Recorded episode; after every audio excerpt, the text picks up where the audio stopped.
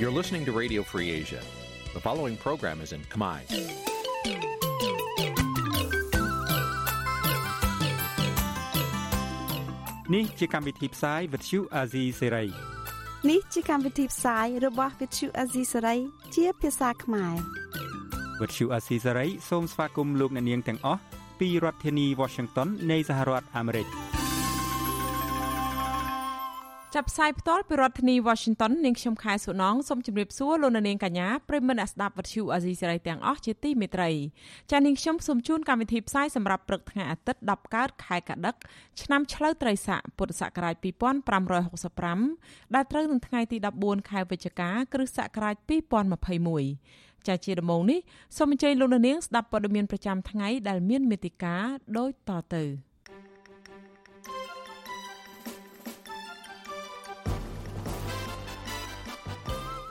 ស្ថាបនិកគណៈបកបេះដូងជាតិថាការសម្រេចរបស់ក្រសួងមហាផ្ទៃដែលមិនចុះបញ្ជីឲ្យគណៈបកខុសនីតិវិធីច្បាប់សង្គមស៊ីវិលថាការដោះលែងសកម្មជនស្ថិតក្នុងទម្រង់នៃការរឹតបន្តឹងសិទ្ធិសេរីភាពអតីតនាយកព័ត៌មានវត្ថុអាស៊ីសេរីទាមទារឲ្យតុលាការទម្លាក់ចោលបទចោលប្រកាន់ប្រឆាំងនឹងពួកគេ អាជីវករឆ្នេរជ្រោយដងស្នើឲ្យអាជ្ញាធរខេត្តកែបកាយដីចេញពីគម្រោងអភិវឌ្ឍដែលប៉ះពាល់ដល់ការលក់ដូររួមនឹងព័ត៌មានផ្សេងផ្សេងមួយចំនួនទៀតចាជាបន្តទៅនេះ នាងខ្ញុំខែសុណងសូមជូនព័ត៌មានទាំងនេះពិស្ដា ចាលោកនាងជាទីមេត្រីស្ថាបនិកគណៈបកបេះដូងជាតិអះអាងថាការដែលក្រសួងមហាផ្ទៃសម្រេចមិនចុះបញ្ជីឲ្យគណៈបករបស់លោកក្រោមហេតុផលកំហុសឆ្គងស្នាមមេដៃរបស់អ្នកគាំទ្រគឺជាការអនុវត្តខុសនីតិវិធីច្បាប់ស្ដីពីគណៈបកនយោបាយប៉ុន្តែមន្ត្រីជាន់ខ្ពស់ក្រសួងមហាផ្ទៃអះអាងថាក្រសួងបានអនុវត្តត្រឹមត្រូវតាមច្បាប់ដោយគ្មានការរើសអើងនិន្នាការគណៈបកនយោបាយណាមួយឡើយចាអ្នកស្រីម៉ៅសុធានីរាយការណ៍ព័ត៌មាននេះ គណៈបកបេដងជាតិចាត់ទុកទង្វើរបស់ក្រសួងមហាផ្ទៃថាជាការធ្វើទុកបុកម្នេញនិងបំផិតបំភ័យលើគណៈបកនយោបាយដែលមាននិន្នាការផ្ទុយ។ ចាត់ស្ថាបនិកគណៈបកបេដងជាតិលោកសៀមភ្លុកថ្លែងប្រាប់អសីត្រីនៅថ្ងៃទី13ខែវិច្ឆិកាថារបាយការណ៍ដែលក្រសួងមហាផ្ទៃផ្ញើជូនទៅលោកនាយករដ្ឋមន្ត្រីហ៊ុនសែនឲ្យបាច់ធ្លាយតាមបណ្ដាញសង្គមកន្លងមកនេះមិនមែនជាសេចក្តីសម្រេចរបស់ក្រសួងមហាផ្ទៃនោះទេ ពីព្រោះរហូតមកដល់ពេលនេះលោកនៅមិនទាន់បានទទួលសេចក្តីសម្រេច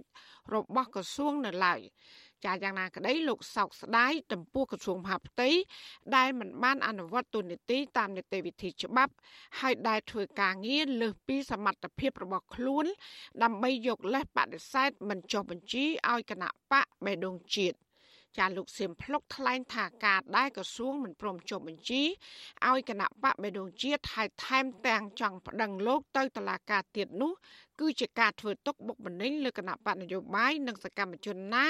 ដែលមាននិន្នាការផ្ទុយឬក៏មិនធ្វើតាមការណែនាំរបស់គណៈបកកាន់អំណាច យើងមានតល័យក៏ហើយយើងមានអំណះអំណាងសម្រាប់តទល់បានគេហៅថាមានវិមតិព្រោះអាសកម្មមេដៃហ្នឹងវាមិនមែនបង្កទស្សនកម្មហៅថាខូចឆាតប៉ះពាល់ដល់ប្រយោជន៍សង្គមឬពលណាទេពីព្រោះអានេះក៏ទៅជាការតាក់ពាក្យការសុំចុះបញ្ជីហើយបើកន្លែងណាមិនច្បាស់ក្រសួងត្រូវតែបដិសេធអាមិនច្បាស់ហ្នឹងឲ្យយើងបំពេញឡើងវិញព្រោះว่าការចុះបញ្ជីទៅជាសំណុំរឿងទោសព្រមតនវិញវាអត់មានពិភពលោកហ្នឹងហើយច្បាប់ស្រុកខ្មែរហ្នឹងក៏វាអត់មានដែរ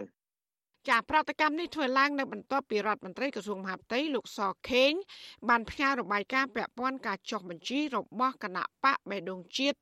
ទៅលោកនាយករដ្ឋមន្ត្រីហ៊ុនសែនកាលពីថ្ងៃទី8ខែវិច្ឆិកាដោយចោទថាមេដៃបុគ្គល20នាក់ខុសពីស្នាមមេដៃ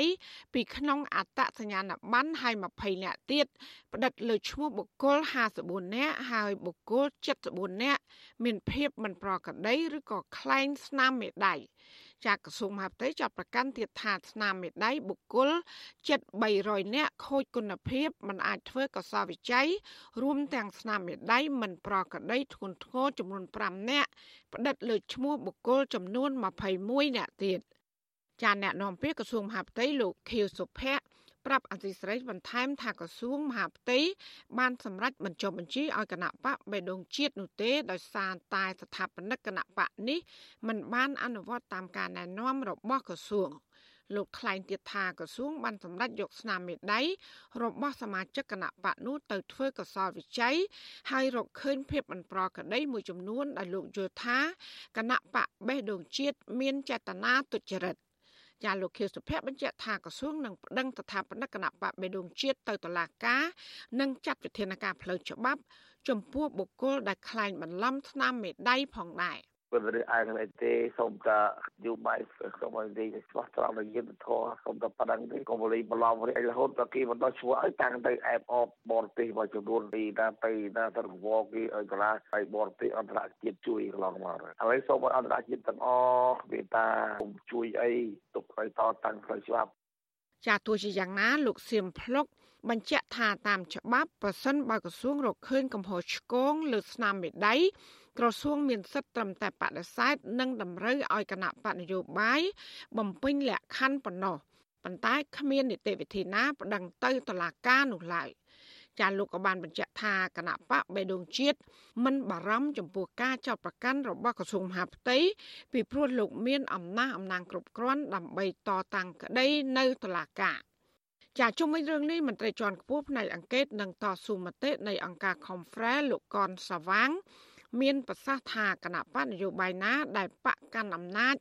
មើលឃើញថាមានមេដឹកនាំបកប្រឆាំងនៅពីក្រោយគណៈបកនោះទំនងពិបាកក្នុងការស្នើចុះបញ្ជីគណៈបកនៅឯក្រសួងមហាផ្ទៃចាលោកបញ្ជាក់ថាច្បាប់ពុំមានចែងអំពីអ្នកគ្រប់គ្រងគណៈបកដែលក្រសួងមហាផ្ទៃរកឃើញករណីក្លែងបន្លំឆ្នាំមេដៃហើយអាជ្ញាធរត្រូវប្តឹងពួកគាត់ទៅតុលាការនោះទេ ចាលោកបញ្ជាក់ថារូបភាពបែបនេះហាក់បង្ហាញពីការរើសអើងនិន្នាការខណៈដែលគណៈបកនយោបាយផ្សេងទៀតក្រសួងអនុញ្ញាតឲ្យបានចុះបញ្ជីយ៉ាងឆាប់រហ័សចាលោកបន្ថែមថាក្រុមអង្គការសង្គមស៊ីវិលទាមទារអាជ្ញាធរ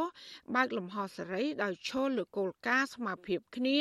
និងត្រូវព្រួតពិនិត្យជុំវិញរឿងនេះឡើងវិញ។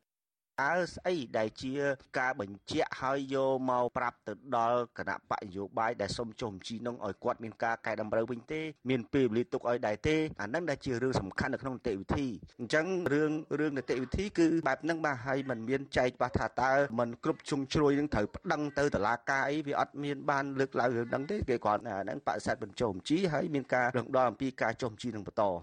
ចាលោកសៀមផ្លុកឲ្យដឹងថាសប្តាហ៍ក្រោយនេះលោកនឹងជួបជាមួយនឹងតំណាងស្ថានទូតប្រជាធិបតេយ្យមួយចំនួន ដើម្បីស្វាស្វែងរកអន្តរាគមន៍ជុំវិញការរដ្ឋបិទរបស់ក្រសួងមហាផ្ទៃចានាងខ្ញុំម៉ៃសុធានីវិទ្យុអាស៊ីស្រីប្រធានាធិបតី Washington ចាលោកនាងកញ្ញាប្រិមនៈស្ដាប់ជាទីមេត្រីចាតកតងទៅនឹងសំណុំរឿងគណៈបកប្រឆាំងវិញតុលាការខេត្តកំពង់ស្ពឺសម្រេចដោះលែងមេឃុំជាប់ឆ្នោតរបស់គណៈបកសង្គ្រោះជាតិនៅឃុំត្រែងត្រយឹងគឺអ្នកស្រីកឹមតូឡា ចេញពីពន្ធនាគារហើយកាលពីថ្ងៃទី13ខែវិច្ឆិកាម្សិលមិញអ្នកស្រីត្រូវបានសមត្ថកិច្ចចាប់ឃុំខ្លួន កាលពីថ្ងៃទី23ខែវិច្ឆិកាពីបទញុះញង់ឲ្យប្រព្រឹត្តបទល្មើសឧក្រិដ្ឋជាអាតដោយសារអ្នកស្រីនិងសកម្មជនគណៈបកសង្គ្រោះជាតិមួយចំនួនទៀតជួបជុំគ្នាបរិភោគនំបញ្ចុក និងបង្ហោះសារគាំទ្រលោកកឹមសុខានិងលោកសំរងស៊ីជាមនុស្សតែមួយព្រមទាំងបង្ហោះសារគាំទ្រដំណើរមាតុភូមិនិវត្តរបស់លោកសំរងស៊ីកាលពីចុងឆ្នាំ2019អ្នកស្រីកឹមតូឡាបានប្រាប់វិទ្យុអាស៊ីសេរីកាលពីយប់ថ្ងៃសៅរ៍ថាតុលាការខេត្តកំពង់ស្ពឺបានកាត់ទោសអ្នកស្រីឲ្យជាប់ពន្ធនាគារ1ឆ្នាំនិងបង់ប្រាក់ពិន័យចំនួន2លានរៀល ប៉ុន្តែអ្នកស្រីមិនព្រមក៏ប្តឹងបន្តទៅសាឡាវធរអ្នកស្រីបញ្ជាក់ថាអ្នកស្រីគ្មានកំហុសអ្វីទេព្រោះមិនបានចូលរួមធ្វើសកម្មភាពនយោបាយណាមួយឡើយក្រោយពីតុលាការបានរំលាយគណៈបកសង្គ្រោះជាតិមកចាមានអារម្មណ៍សប្បាយចិត្តបានជួបជុំបងប្អូនម៉ែឪវិញក្នុងពន្ធនាគារធម្មតាមានពិបាកជាងយើងនៅសេរីភាពខាងក្រៅតែអ្វីគ្រប់យ៉ាងយើងត្រូវទ្រាំព្រោះដោយសារយើងក៏មិនដឹងថាគោលដៅការចេញរយៈពេលណា ការជាប់ទោសពីតុលាការយកទៅនេះមួយឆ្នាំហើយបងលុយ2លានដល់ពេលចឹងទៅ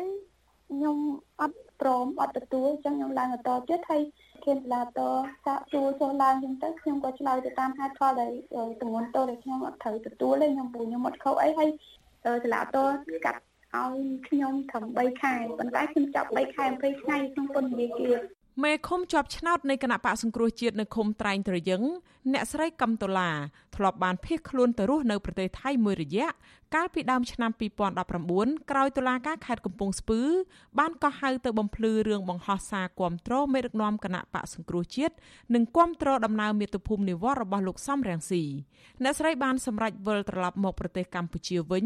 ក្រោយពីមេដឹកនាំក្រុងភ្នំពេញលោកហ៊ុនសែនបានបញ្ជាឲ្យតុលាការនិងអាជ្ញាធរទម្លាក់ចោលនៅរាល់ការចោទប្រកាន់លើសកម្មជនគណៈបកប្រឆាំងទាំងអស់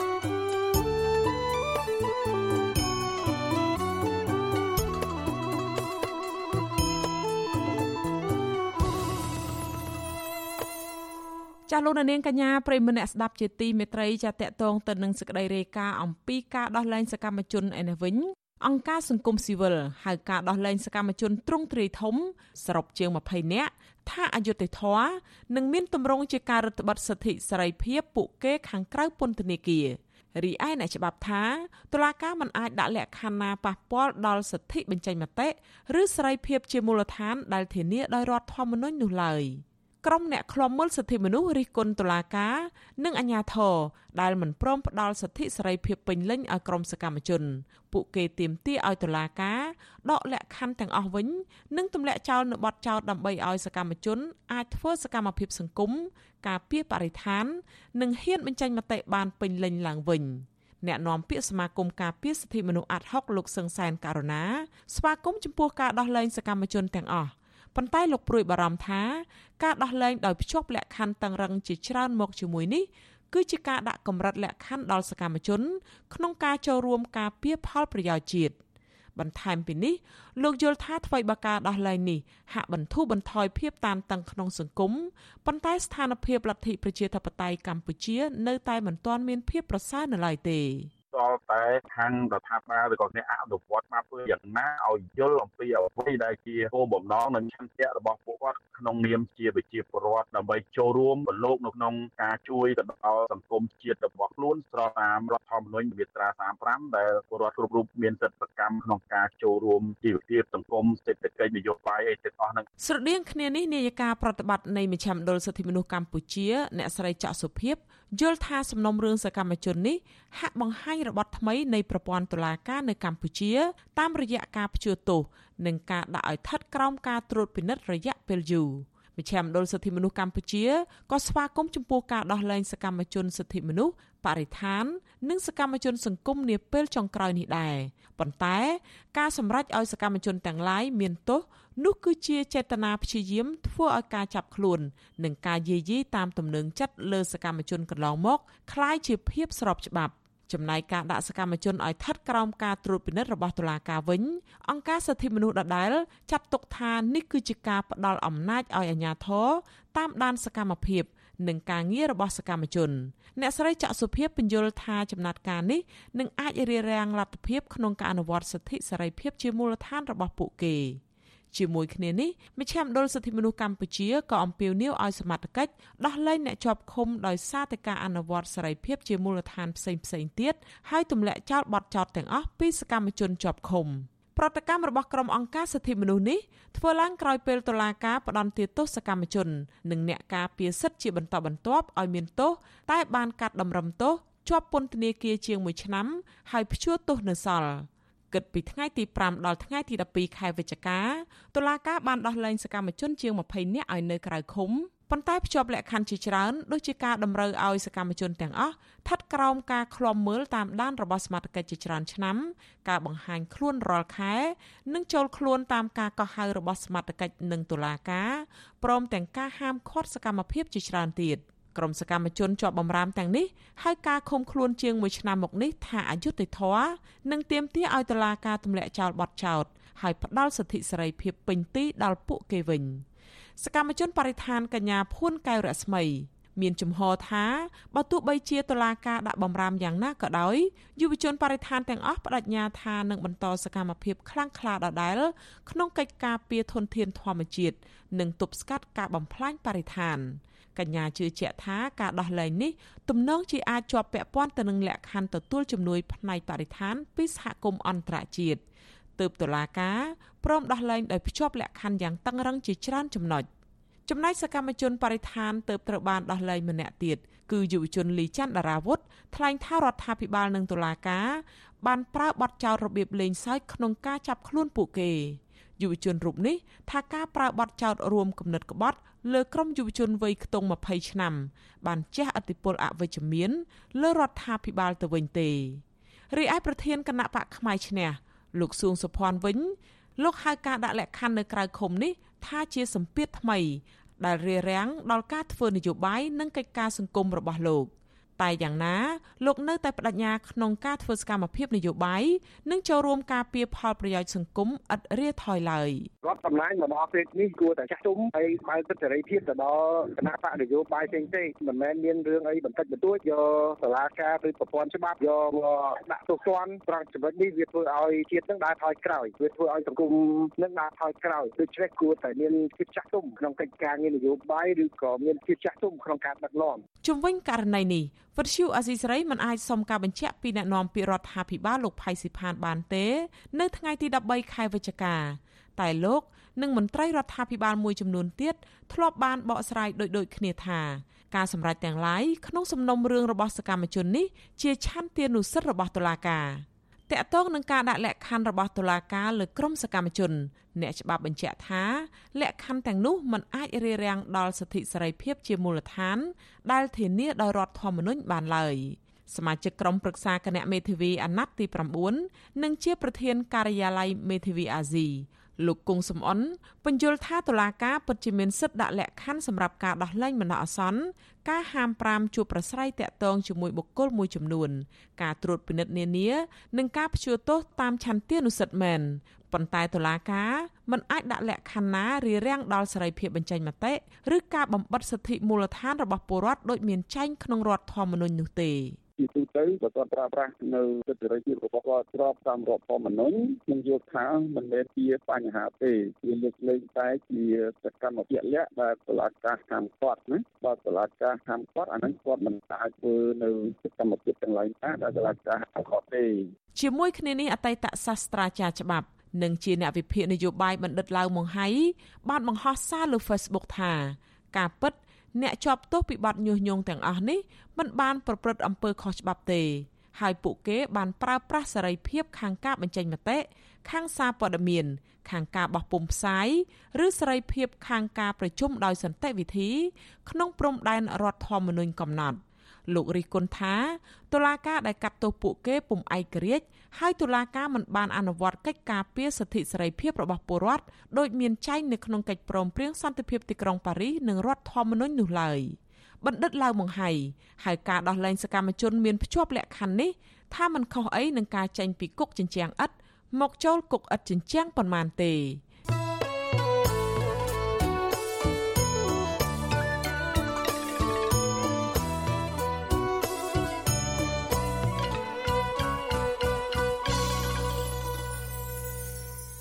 ចាលោកនាងកញ្ញាប្រិមនៈស្ដាប់ជាទីមេត្រីតកតងទៅនឹងស្ថានភាពនៅក្នុងពន្ធនាគារ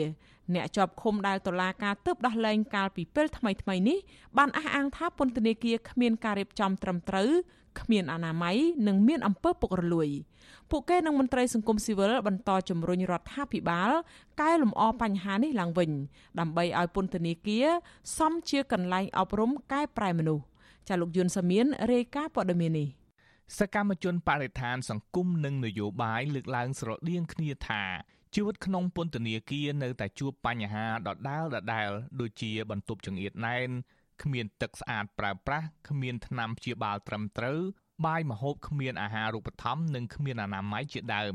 សកម្មជនចលនាមេដាធម្មជាតិលោកធុនរដ្ឋាដែលទើបចេញពីពន្ធនាគារថ្លែងប្រាប់វិទ្យុអាស៊ីសេរីថា ឆ្មាំគុកមិនដែលផ្ដល់តម្លៃជីវិតអ្នកជាប់ឃុំ ក្នុងនាមជាមនុស្សនោះទេ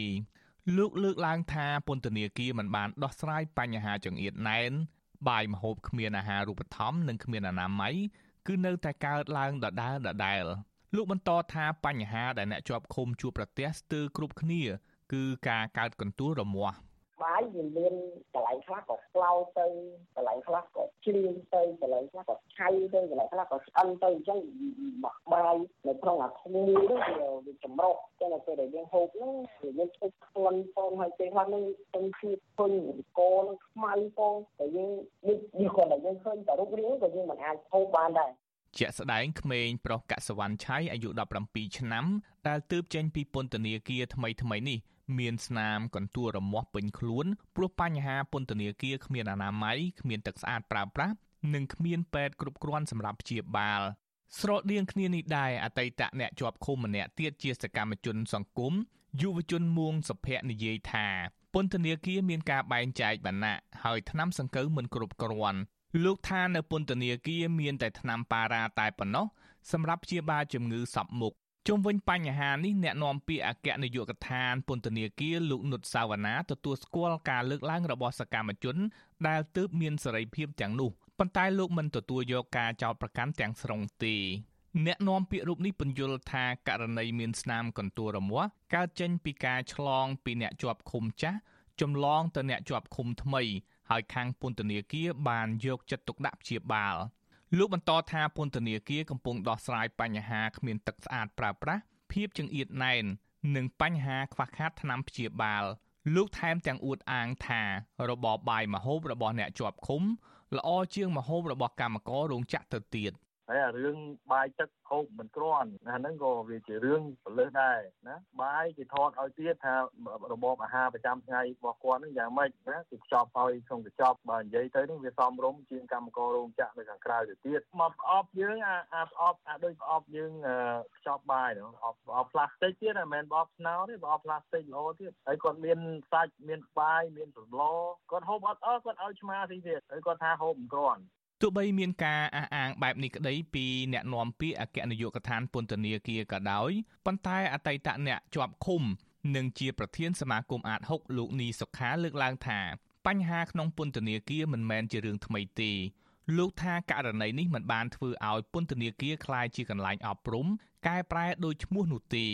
មន្ត្រីសិទ្ធិមនុស្សរូបនេះរិះគន់ថាបញ្ហាទាំងនេះបណ្ដាលមកពីរដ្ឋាភិបាល ខ្វះឆន្ទៈនិងមិនបានផ្ដល់ថវិកាជាតិគ្រប់គ្រាន់ក្នុងការកែលម្អពន្ធនាគារ ពេលដែលខ្ញុំរស់នៅជាក់ស្ដែងហ្នឹងខ្ញុំដឹងច្បាស់ហ្មងគាត់ថាដូចជាមិនមែនជាកន្លែងកែប្រែហាក់បីដូចជាកន្លែងដែលធ្វើឲ្យអ្នកដែលទៅជាប់ហ្នឹងទៅរៀនសូត្រពីគ្នាអំពីអ្វីដែលមិនល្អមិនល្អនឹងច្រើនបាទខ្ញុំគិតថានេះមកពីរឿងបញ្ហាកង្វះនៅឆន្ទៈនឹងធំបាននៅក្នុងការដែលការយកចិត្តទុកដាក់នៅក្នុងការដែល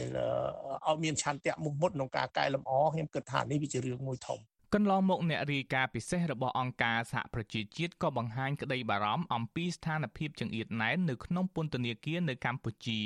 ពន្ធនាគារនៅកម្ពុជាបច្ចុប្បន្ននេះកំពុងផ្ទុកអ្នកជាប់ឃុំលើសចំនួនរហូតដល់300%ដែលមិនអាចឲ្យពួកគេរក្សាគម្លាតសុវត្ថិភាពក្នុងពេលនៃការរាតត្បាតជំងឺ Covid-19 បានទេខ្ញុំយុនសាមៀនវិទ្យុអាស៊ីសេរីពីរដ្ឋធានី Washington ចាលោកនាងកញ្ញាប្រិមមអ្នកស្ដាប់ជាទីមេត្រីលោកនាងកំពុងស្ដាប់ការផ្សាយរបស់វិទ្យុអាស៊ីសេរីផ្សាយចេញពីរដ្ឋធានី Washington នៃសហរដ្ឋអាមេរិកថ្ងៃទី14ខែវិច្ឆិកាឆ្នាំ2021នេះគឺជាគម្រប់ខួប4ឆ្នាំនៃការចាប់ខ្លួនអតីតអ្នកយកព័ត៌មានវិទ្យុអាស៊ីសេរីពីររូបគឺលោកអ៊ួនឈិននិងលោកយៀងសុធិរិនពួកគាត់និងមេធាវីនៅតែបន្តទាមទារឲ្យតុលាការទម្លាក់ចោលបទចោទប្រកាន់ដើម្បីផ្ដល់យុត្តិធម៌និងសេរីភាពពេញលេញជូនពួកគាត់ឡើងវិញ។ រយៈពេល4ឆ្នាំមកនេះតុលាការគ្មានភ័ស្តុតាងគ្រប់គ្រាន់ដើម្បីបង្ហាញពីទោសកំហុសរបស់អ្នកទាំងពីរឡើយប៉ុន្តែតុលាការនៅតែរក្សាបទចោទប្រកាន់លើអ្នកទាំងពីរដដែលចាលោកនាងនឹងបានស្ដាប់សេចក្តីរាយការណ៍នេះពុស្ដានៅពេលបន្តិចទៀតនេះ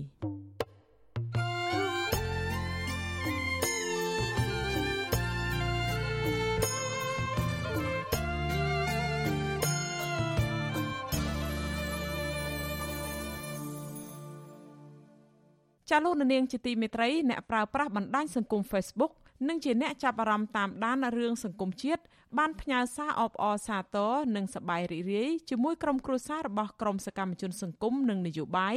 ដែលតុលាការទើបបានដោះលែងចេញពីពន្ធនាគារកាលពីពេលថ្មីៗនេះពួកគាត់មើលឃើញថា ការចាប់និងការដោះលែងមកវិញនេះសុទ្ធតែពាក់ព័ន្ធទៅនឹងរឿងនយោបាយព្រោះសកម្មភាពទាំងនោះពុំមានទោសកំហុសដោយការចោទប្រកាន់របស់តុលាការនោះឡើយចាប់ពីរដ្ឋធានី Washington លោកសេកបណ្ឌិតសូមស្រង់នៅទស្សនៈឬ comment នៅតាមបណ្ដាញសង្គមជុំវិញរឿងនេះជូនលោកនាងដូចតទៅអ្នកប្រើប្រាស់បណ្ដាញសង្គម Facebook ដែលនិយមតាមដានរឿងរ៉ាវទាំង live ដែលពាក់ព័ន្ធនឹងបញ្ហាសង្គមជាតិនោះ បាននាំគ្នាផ្សព្វផ្សាយផុសចែករំលែក ឬហៅថា share ព្រមទាំងបានបញ្ចេញមតិយោបល់ផ្សេងផ្សេងគ្នា នៅព្រឹត្តិការណ៍ដោះលែងសកម្មជនសង្គមនយោបាយបរិស្ថានឬអ្នកខ្លះហៅថាអ្នកទោសមនសិការក្នុងរយៈពេលប្រមាណមួយសប្តាហ៍ចុងក្រោយនេះ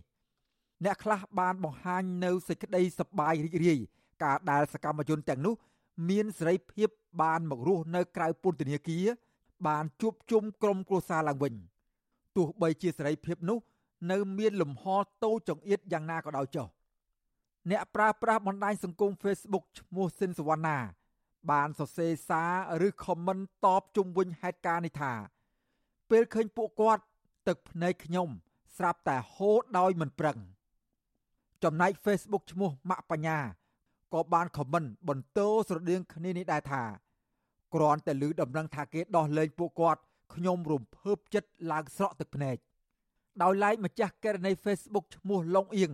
ក៏បានបញ្ចេញមតិយោបល់យល់ឃើញជុំវិញរឿងនេះដែរថា ពួកគាត់គួរត្រូវបានដោះលែងតាំងពីដំបូងព្រោះពួកគាត់គ្មានទោសទេសូម្បីអ្នកចាប់ពួកគាត់ក៏ដឹងដែរម្ចាស់ករណី Facebook ឈ្មោះពេជ្រឆ្នៃស្រី បានខមមិនតបនឹងរឿងនេះដែរថារឿងនេះដោយត្រូវពិភពលោកសេរីសំពង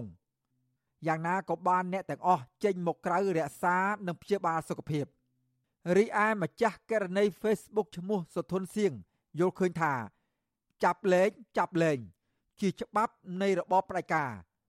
មេដឹកនាំឆ្លេឆ្លាដូចមេមន់រពងចំណែក Facebook ឈ្មោះ Philip Lin បានបញ្ចេញទស្សនៈដែរថាខ្មែររងទុកជាយូរណាស់មកហើយខ្មែរល្មមឈប់ធ្វើបាប និងរើសអើងខ្មែរដូចគ្នា គួរណាស់មានមេត្តានិងសាមគ្គីគ្នាទើបខ្មែរបានសុខបញ្ចប់អំពើដេរឆាន និងបោកប្រាស់រាជខ្មែរតទៅទៀតទៅ សូមចូលរួមត្រេកអរនិងសូមជូនពរដល់អ្នកស្នេហាជាតិដែលលះបង់ជីវិតគ្រប់រូប Facebook ឈ្មោះអង្គរខ្មែរក៏បានសរសេរឆ្លើយតបជុំវិញការដោះលែងសកម្មជនសង្គមដែរថា របបដេរឆាន យកគេឈ្មោះមនុស្សនិងអនាគតរបស់គេ ទៅលេងសើចជាលបែងនយោបាយ ដោយឡែកម្ចាស់ករណី Facebook ឈ្មោះមនោទេពគាត់ក៏មានក្តីរំភើបចំពោះរឿងនេះដែរគាត់សរសេរថារំភើបស្ទើរយំ ក្តីសង្ឃឹមលេងឡំនឹងការឈឺចាប់មនោទេពបានសរសេរលើទំព័រ Facebook របស់លោកទៀតថាព្រឹត្តិការណ៍ដោះលែងអ្នកទោសមនសិការឲ្យនៅក្រៅឃុំនេះ ធ្វើឲ្យអារម្មណ៍គាត់និងប្រជាពលរដ្ឋខ្មែរស្ទើរមួយប្រទេសរំភើបរីករាយលេងឡំនឹងការឈឺចាប់ ដោយសារភាពអយុត្តិធម៌ទោះយ៉ាងណាលោកថាកម្លាំងនៃការតស៊ូដើម្បីសេរីភាពរំដោះជាតិបន្តទៅមុខជានិច្ចខ្មែរក្រៅស្រុកមិនបោះបង់ខ្មែរក្នុងស្រុកជាដាច់ខាត នយោបាយការទូតជាសមរភូមិក្តៅលោកក៏សម្ដែងនៅការគោរពនិងកោតសរសើរនៅវីរភាពកូនខ្មែរអ្នកស្នេហាជាតិទាំងអស់ដែលបានតស៊ូលះបង់គ្រប់បែបយ៉ាងដើម្បីបបផែនជាតិខ្ញុំបាទសេកបណ្ឌិត វិទ្យុអាស៊ីសេរីពីរដ្ឋធានីវ៉ាស៊ីនតោនចលនានាងជាទីមេត្រីវិទ្យុអាស៊ីសេរីផ្សាយតាមរយៈរលកធារកាសខ្លីឬ short wave តាមកម្រិតនិងកម្ពស់ដូចតទៅនេះពេលព្រឹកចាប់ពីម៉ោង5កន្លះដល់ម៉ោង6កន្លះតាមរយៈរលកធារកាសខ្លី9390 kHz ស្មើនឹងកម្ពស់ 32m និង11850 kHz ស្មើនឹងកម្ពស់ 25m ចានៅពេលយប់ ពីម៉ោង7កន្លះដល់ម៉ោង8កន្លះតាមរយៈរលកធារកាសខ្លី9390 kHz ស្មើនឹងកម្ពស់ 32m និង15155 kHz ស្មើនឹងកម្ពស់ 20m ចាសសូមអរគុណ ចាលោកនាងជាទីមេត្រីព្រះមហាក្សត្រព្រះបរមនាថនរោត្តមសីហមុនីថ្លែងព្រះរាជសន្ទរកថានៅក្នុងមហាសន្និបាតអង្គការ UNESCO លើកទី41ដោយផ្ដោតលើសមិទ្ធផលសំខាន់សំខាន់ដែលអង្គការ UNESCO បានដាក់បញ្ចូលសម្បត្តិបេតិកភណ្ឌពិភពលោករបស់កម្ពុជា នៅប្រទេសបារាំងកាលពីថ្ងៃទី12ខែវិច្ឆិកា ព្រះអង្គមានព្រះរាជបន្ទូលនៅមុខមេដឹកនាំជាង20ប្រទេសដែលបានមកចូលរួមនៅក្នុងទីក្រុងប៉ារីថាអង្គការ UNESCO នៅកម្ពុជា ធ្វើការក្រោមលក្ខខណ្ឌជំនួយអភិវឌ្ឍរបស់អង្គការសហប្រជាជាតិសម្រាប់កម្ពុជា ឆ្នាំ2019ដល់ឆ្នាំ2023ដែលសំដៅលើកម្ពស់វិស័យអប់រំបរិស្ថានព័ត៌មាន និងមរតកវប្បធម៌ដើម្បីសម្រេចបាននូវការអភិវឌ្ឍប្រកបដោយចីរភាពឆ្នាំ2030 មហាសន្និបាតអង្គការ UNESCO លើកទី41ដែលជាខួបលើកទី75នៃអង្គការ UNESCO បានចាប់ផ្ដើមតាំងពីថ្ងៃទី10រហូតដល់ថ្ងៃទី15ខែវិច្ឆិការដ្ឋមន្ត្រីក្រសួងវប្បធម៌និងជាប្រធានគណៈប្រតិភូរដ្ឋាភិបាលអ្នកស្រីភឿងសកុណាថ្លែងថារដ្ឋាភិបាលកម្ពុជាបដិញ្ញាចិត្តអភិរក្សថែរក្សា និងលើកកម្ពស់តម្លៃនៃបេតិកភណ្ឌវប្បធម៌ជាតិដែលត្រូវបានបញ្ចូលជាសម្បត្តិបេតិកភណ្ឌពិភពលោកប្រាសាទរបស់កម្ពុជាចំនួន3ត្រូវបានដាក់បញ្ចូលជាសម្បត្តិបេតិកភណ្ឌពិភពលោកតាមរយៈមហាសន្និបាតអង្គការ UNESCO រួមមានប្រាសាទអង្គរត្រូវបានដាក់ជាសម្បត្តិបេតិកភណ្ឌពិភពលោកកាលពីឆ្នាំ1992បន្ទាប់មកប្រាសាទព្រះវិហារកាលពីឆ្នាំ2008និងប្រាសាទសម្បូរព្រៃគុកកាលពីឆ្នាំ2017 ចំណែកសម្បត្តិវប្បធម៌អរូបីចំនួន5ក៏ត្រូវបានដាក់បញ្ចូលក្នុងបញ្ជីបេតិកភណ្ឌ UNESCO ចំណែកសម្បត្តិវប្បធម៌អរូបីចំនួន5ក៏ត្រូវបានដាក់បញ្ចូលក្នុងបញ្ជីបេតិកភណ្ឌ UNESCO ផងដែររួមមានល្ខោនខោលដាក់បញ្ចូលនៅក្នុងឆ្នាំ2018ចាប៉ីដងវែងនៅឆ្នាំ2016លបែងទាញព្រ័ត្រ នៅឆ្នាំ2015របាំព្រះរាជទ្រព្យនៅឆ្នាំ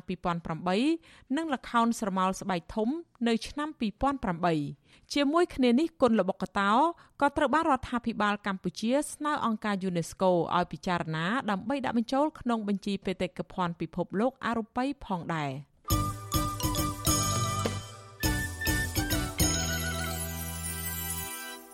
ចាលោកនាងកញ្ញាប្រិមមអ្នកស្ដាប់ជាទីមេត្រីតកតងទៅនឹងវិបត្តិនៃការរីករាលដាលនៃជំងឺ Covid-19 វិញលោកនាយករដ្ឋមន្ត្រីហ៊ុនសែនសុំការយោគយល់ពីក្រុមគ្រួសារសពអ្នកស្លាប់ដោយសារជំងឺ Covid-19 ព្រោះភាពយឺតយ៉ាវបើកប្រាក់ឧបត្ថម្ភដែលក្នុងមួយគ្រួសារទទួលបានប្រាក់ចំនួន2លានរៀល។ លោកហ៊ុនសែនសរសេរនៅលើទំព័រ Facebook របស់លោកកាលពីថ្ងៃទី13ខែវិច្ឆិកាម្សិលមិញដោយឆ្លើយតបទៅនឹងការសរសេររបស់អ្នកខមមិនម្នាក់ដែលងឿងឆ្ងល់ចំពោះការបើកប្រាក់ឧបត្ថម្ភនេះក្រោយពីឪពុករបស់គាត់បានស្លាប់ដោយសារជំងឺ Covid-19 ប៉ុន្តែក្រុមគ្រួសារមិនទាន់ទទួលបានប្រាក់ឧបត្ថម្ភនៅឡើយទេលោកហ៊ុនសែនអះអាងថាថាវិការឧបត្ថម្ភទឹកប្រាក់2លានរៀលមិនបាត់បង់ទៅណាឡើយគ្រាន់តែកន្លែងខ្លះបើកជូនបានលឿនកន្លែងខ្លះបើកយឺត ថវិកានេះផ្ដល់ជូនអ្នកមរណភាពដោយសារជំងឺ Covid-19 ពិតប្រាកដនៅតាមមន្ទីរពេទ្យប៉ុណ្ណោះលោកហ៊ុនសែនក៏បានស្នើដល់ក្រសួងសុខាភិបាលនិងអាជ្ញាធរគ្រប់លំដាប់ថ្នាក់ពន្លឿនការបើកប្រាក់ដល់គ្រួសារសពឲ្យបានឆាប់ៗ ពាក់ព័ន្ធទៅនឹងករណីស្លាប់ដោយសារជំងឺ Covid-19 គិតត្រឹមថ្ងៃទី13ខែវិច្ឆិកា បានកើនឡើងដល់ជិត2900នាក់ហើយក្រោយពីអ្នកជំងឺចំនួន5នាក់ទៀតបានស្លាប់ក្នុងនោះមាន3នាក់មិនបានចាក់វ៉ាក់សាំងចំណែកករណីឆ្លងថ្មីវិញក្រសួងសុខាភិបាលប្រកាសថាមាន60នាក់ដែលជាលទ្ធផលបញ្ជាក់ដោយម៉ាស៊ីនពិសោធន៍ PCR ប៉ុន្តែតួលេខនេះមិនរាប់បញ្ចូលលទ្ធផលដែលពិនិត្យក្រោមឧបករណ៍តេស្តរហ័សឬរ៉ាពីតេស្តនោះទេគិតត្រឹមព្រឹកថ្ងៃទី13ខែវិច្ឆិកាកម្ពុជាមានអ្នកកើតជំងឺ Covid-19 ជិត120,000នាក់ក្នុងនោះអ្នកជាសះស្បើយមានជាង110,000នាក់ ក្រសួងសុខាភិបាលក៏បានប្រកាសថាគិតត្រឹមថ្ងៃទី12ខែវិច្ឆិការដ្ឋាភិបាលចាក់វ៉ាក់សាំងជូនពលរដ្ឋដែលគ្រប់អាយុបានប្រមាណ10លាននាក់សម្រាប់ដូសទី1និងជាង9លាន6សែននាក់សម្រាប់ដូសទី2ចំណែកកុមារនិងយុវជនដែលមានអាយុពី6ឆ្នាំដល់17ឆ្នាំវិញក្រសួងបញ្ជាក់ថាចាក់វ៉ាក់សាំងបានជាង3លាន7សែននាក់ក្នុងចំណោមអ្នកដែលត្រូវចាក់សរុបជិត4លាននាក់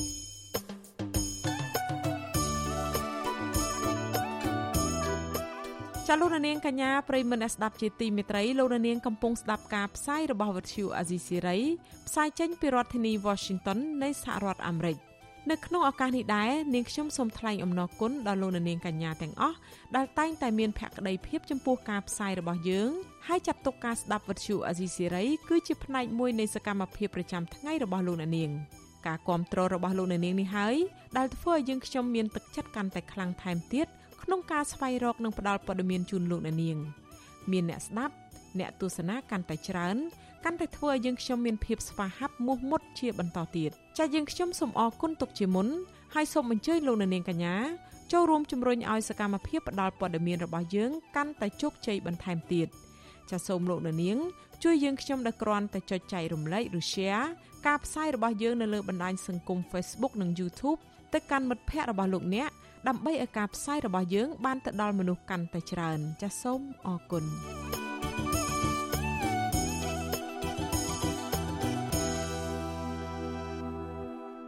ចាលោកនាងកញ្ញាប្រិមមអ្នកស្ដាប់ជាទីមេត្រីចាតកតងទៅនឹងការអភិរក្សសត្វកម្រឯនេះវិញសមាគមអភិរក្សសត្វព្រៃ ឬហៅកាត់ថា WCS និងរដ្ឋបាលជលផលបញ្ជាក់ថាអណ្ដើកលួងដែលជាពូជសត្វកម្រជិតផុតពូជមួយចំនួន ក្នុងចំណោមអណ្ដើកលួង205ក្បាល មានសុខភាពល្អនិងមានសារធាតុប្រូតេអ៊ីនខ្ពស់សម្រាប់ការបន្តពូជ លទ្ធផលនេះបានពីការវិភាគឈាមដែលបូមចេញពីអណ្ដើកដែលមានវ័យខុសៗគ្នាប្រមាណ60ក្បាល ក្នុងចំណោមអណ្ដើក205ក្បាល កាលពីថ្ងៃទី9និងថ្ងៃទី10ខែវិច្ឆិកាក្រុមការងាររបស់សមាគមអភិរក្សសត្វព្រៃ WCS បានចិញ្ចឹមថែរក្សាអណ្ដើកលួងទាំងនេះនៅក្នុងមជ្ឈមណ្ឌលអភិរក្សសត្វល្មូនខេត្តកោះកុងស្ថិតនៅក្នុងភូមិទួលកគីឃុំទួលកគី ស្រុកមណ្ឌលសីមាខេត្តកោះកុង កន្លងមកអ្នកអភិរក្សបានគិតថាអណ្ដើកលួងទាំងនេះបានផុតពូជអស់ទៅហើយនៅប្រទេសកម្ពុជាប៉ុន្តែរហូតមកដល់ឆ្នាំ1995ទើបសមាគមអភិរក្សសត្វព្រៃនិងរដ្ឋបាលជលផល បានរកឃើញអណ្ដើកលួងនេះនៅក្នុងស្រុកស្រែអំបិលនៃខេត្តកោះកុងក្រោយមកទើបសមាគមអភិរក្សសត្វព្រៃនិងរដ្ឋបាលជលផល